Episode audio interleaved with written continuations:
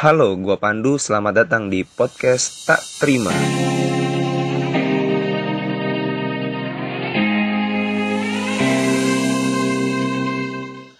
Halo semuanya, apa kabar? Satu bulan kurang lebih di masa corona ini, semoga teman-teman yang mendengarkan masih dalam keadaan sehat walafiat dan berbahagia. Walaupun gue tahu udah mulai bosen, udah mulai gabut, gue pun sama, udah wah, udah udah pusing rebahan mulu. Uh, terima kasih buat yang sudah mendengarkan podcast episode 1, 2, 3 Buat yang belum silahkan langsung meluncur. Di episode 3 kemarin gue bahas tentang uh, masalah ditinggal nikah. Dan setelah gue cek Itu episode yang paling sedikit pendengarnya. Gak, gak, gak nyampe nggak tembus 100 nggak tembus 100 dan pas gue rilis pun banyak komentar yang masuk tuh kayak gini e, bang emosionalnya kurang di episode ini ya. Bang nggak kerasa e, emosi lu nya. Bang kok nggak sedih? gitu. Podcastnya ditinggal nikah tapi emang episode 3 kemarin gue bahasnya tuh bawainnya tuh have fun. Kenapa? Karena gue mungkin gue udah berdamai dengan hal itu ya udah lama banget berdamai. Jadi udah nggak ada yang perlu disesali udah nggak ada yang perlu di uh, tangisi atau disedih-sedihkan lagi lah. Karena semua orang sudah bahagia dengan masing-masing dan gue pun yang gue bilang gue berharap kebahagiaan untuk uh, untuk motor yang sedang lewat. Semoga lu selamat sampai tujuan di rumah. Enggak gue gue mendoakan kebahagiaan untuk yang sudah menikah, untuk yang mantan gue udah menikah itu semoga uh, dalam keadaan sehat sampai seterusnya. Dan terakhir gue denger dia sedang hamil, alhamdulillah. Gue baru dapat kabarnya minggu kemarin dari temen. Alhamdulillah. Uh, lu lagi dengerin episode 4 di podcast Terima.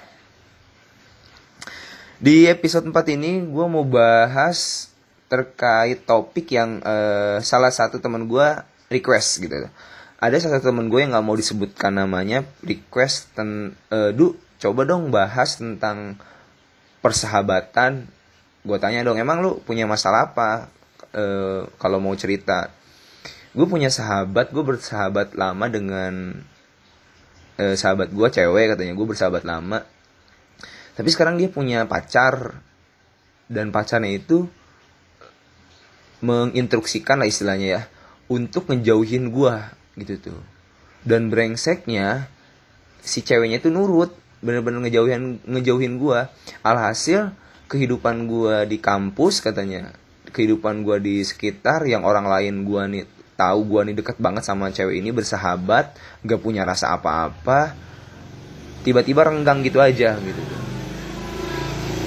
tiba-tiba renggang gitu aja dan setiap kali ditanya pun uh, eh, gue nggak bisa jawab.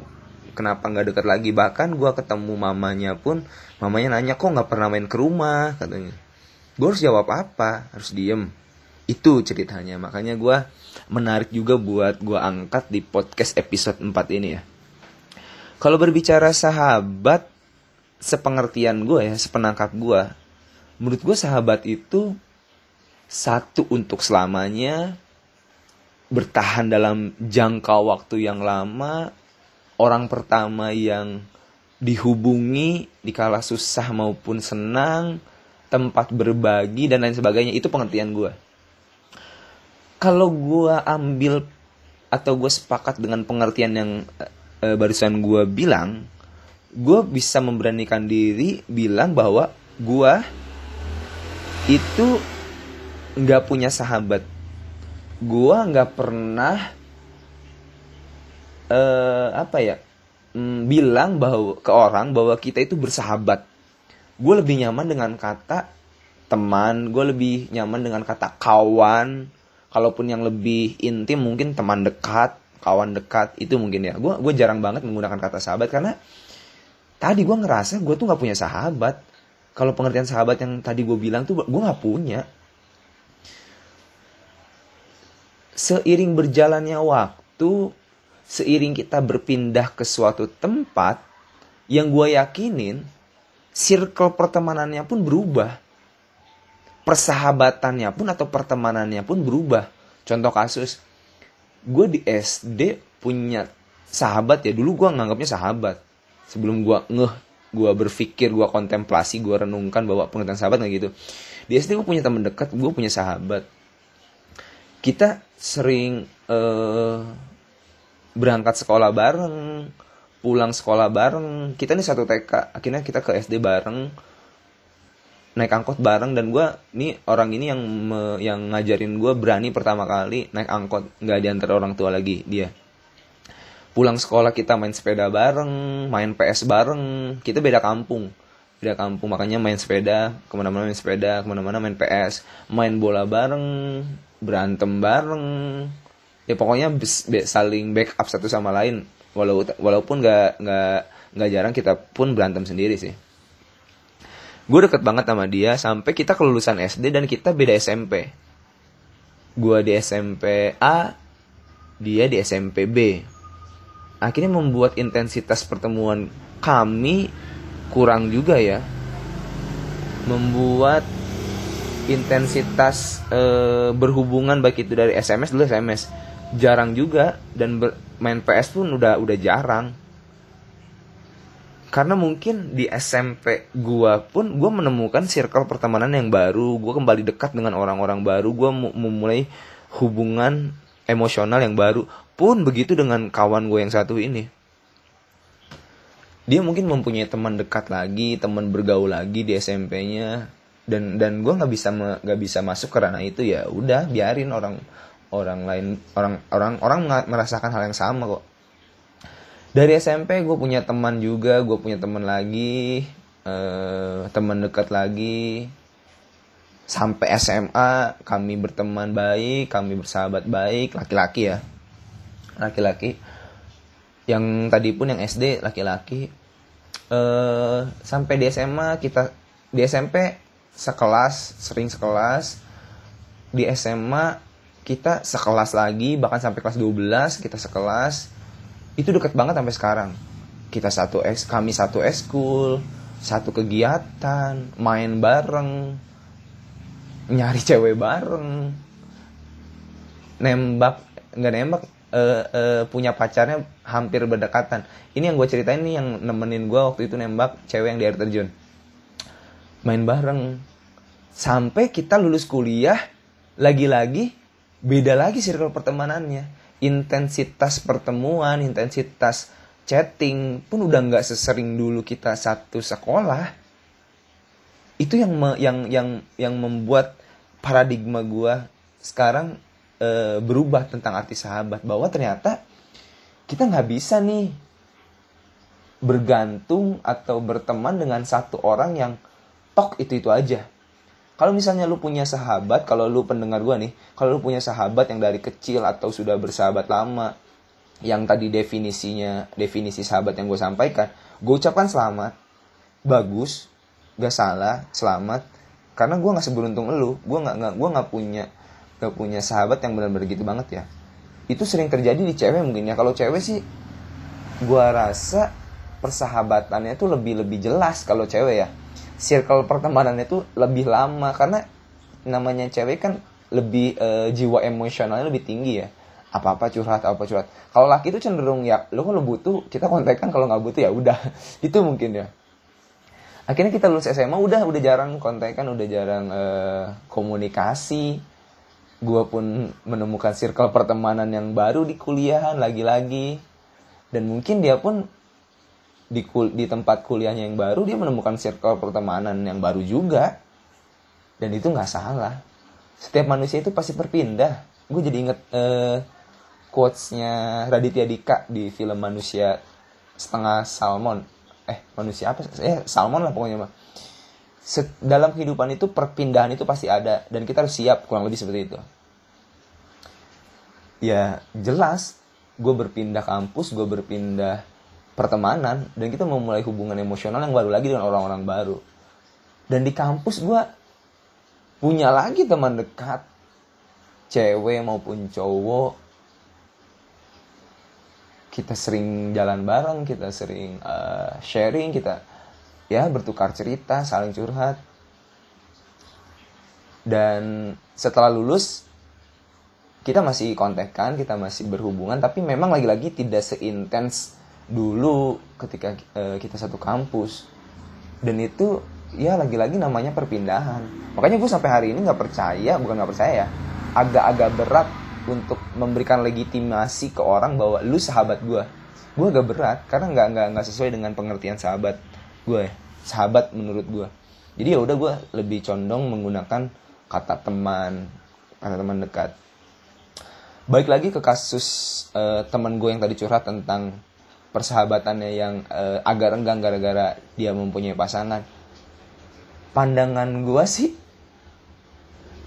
itu sebuah apa ya? Menurut gue ya, nggak tahu menurut lo. Menurut gue itu sebuah kewajaran lagi. Karena gini, untuk orang-orang yang punya sahabat, terus lu punya pacar, sahabat lu dan pacar lu satu circle, bisa ketemu, bisa bisa bisa akrab, gokil, mantap, gue ucapkan selamat. Karena nggak semua orang beruntung berada di posisi seperti itu. Ada orang-orang yang seperti gue, sahabat gue. Kebetulan di kampus gue punya temen deket cewek. Temen deket cewek kalau di kampus. Nah, temen deket cewek gue ini sama mantan gue sama cewek gue dulu sekarang yang sekarang jadi mantan ini gak satu circle. Ini bagaikan dua sisi mata uang yang yang keduanya itu sulit buat bergabung. Entah entah entah karena uh, apa ya gue nggak ngerti kenapa mereka nggak nggak nggak nggak bisa akrab. Gue nggak jadi ya ketemu ya cuma seadanya say hi say hi say hello doang komunikasi pun seadanya nggak nggak bisa apa ya nggak bisa kayak rempong gitu tuh nggak satu yang namanya satu geng kan pasti ada rempong hai gitu seru-seruan. Nggak bisa ini cuma se -se seadanya. Dan dan itu agak sulit gue memposisikan diri di situ ya. Di satu sisi kalau gue terlalu sering jalan sama sahabat gue mantan eh cewek gue ini cemburu gue sering jalan sama cewek gue sahabat gue ini cemburu gak sulit memposisikan diri adil. Di satu sisi ya gue butuh sama sahabat gue di satu sisi ya gue juga sayang sama cewek gue gue juga butuh gitu tuh. Gue pun sayang sama sahabat gue apalagi kalau mereka berdua dipertemukan dalam satu acara uh udah bingung gue bingung. Kalau dalam satu acara tuh bingung. Maksudnya uh, ya kayak tadi gue gua terlalu banyak ngobrol komunikasi dengan sahabat ceweknya ngambek merasa dicuekin merasa nggak dianggap. Gue komunikasi dengan cewek sahabatnya yang ngambek gitu. Itu gak, gak ngerti dah gue gimana jalan pikiran cewek-cewek. Uh, kalau kalau bertindak kasus tadi ya kasus yang temen gue curhatin si cowoknya tuh menginstruksikan si cewek nggak boleh dekat-dekat lagi. Itu salah sih menurut gue itu salah. Karena kenapa? Karena sebelum kita mempunyai pasangan sebelum lu punya lu kenal sama cewek ini gue udah berteman lama dengan cewek ini gitu tuh. Gue udah bersahabat lama gue udah gue udah kenal lebih dulu. Siapa lu yang tiba-tiba dateng ke kehidupannya oke lu dapetin hatinya terus lu mengganggu persahabatan kami. Gitu gue gua nggak sepakat sih sama orang itu tuh ya. Ya udahlah sahabat jalan sahabat eh, pacaran ya jalan pacaran. Beda beda ini bisa bisa berjalan beriringan pada dasarnya mah. Yang penting lu manage cemburu aja sih ngapain cemburu sih? Kalau misalnya toh kita ada pas ada perasaan masing-masing pun ya udah jadian sejak lama kali. Tapi kan faktanya udah sejak lama kita tetap masih bersahabat. Nggak ada nggak ada saling pacaran. Dan gue pun punya temen cewek banyak. Gue nggak ada punya temen deket cewek ya punya sahabat cewek gue pun nggak nggak nggak ada hasrat untuk nembak untuk macarin tuh. Gue nggak gue nggak nggak pernah ada sejarah gue pacaran sama sahabat gue gue nggak pernah ada sejarah gue pacaran sama teman dekat gue gue nggak pernah. Karena yang tadi yang gue bangun hubungan dari awal pondasinya tuh ya pertemanan persahabatan. Dan gue pun kadang merasakan itu ya merasakan ketika temen deket cewek gue ini punya pasangan dia emang agak renggang sama gue tapi gue nggak berhak untuk gue nggak berhak untuk uh, protes yang gue tangkep ya udah emang emang lu lagi deket lu udah punya pacar emang mungkin seharusnya lu menjaga perasaan pasangan lu gitu. Dengan tidak terlalu dekat atau tidak sebebas dulu sama gue gitu. Di depan dia ya. Di depan dia mungkin. Karena untuk menjaga perasaannya. Itu gue benarkan.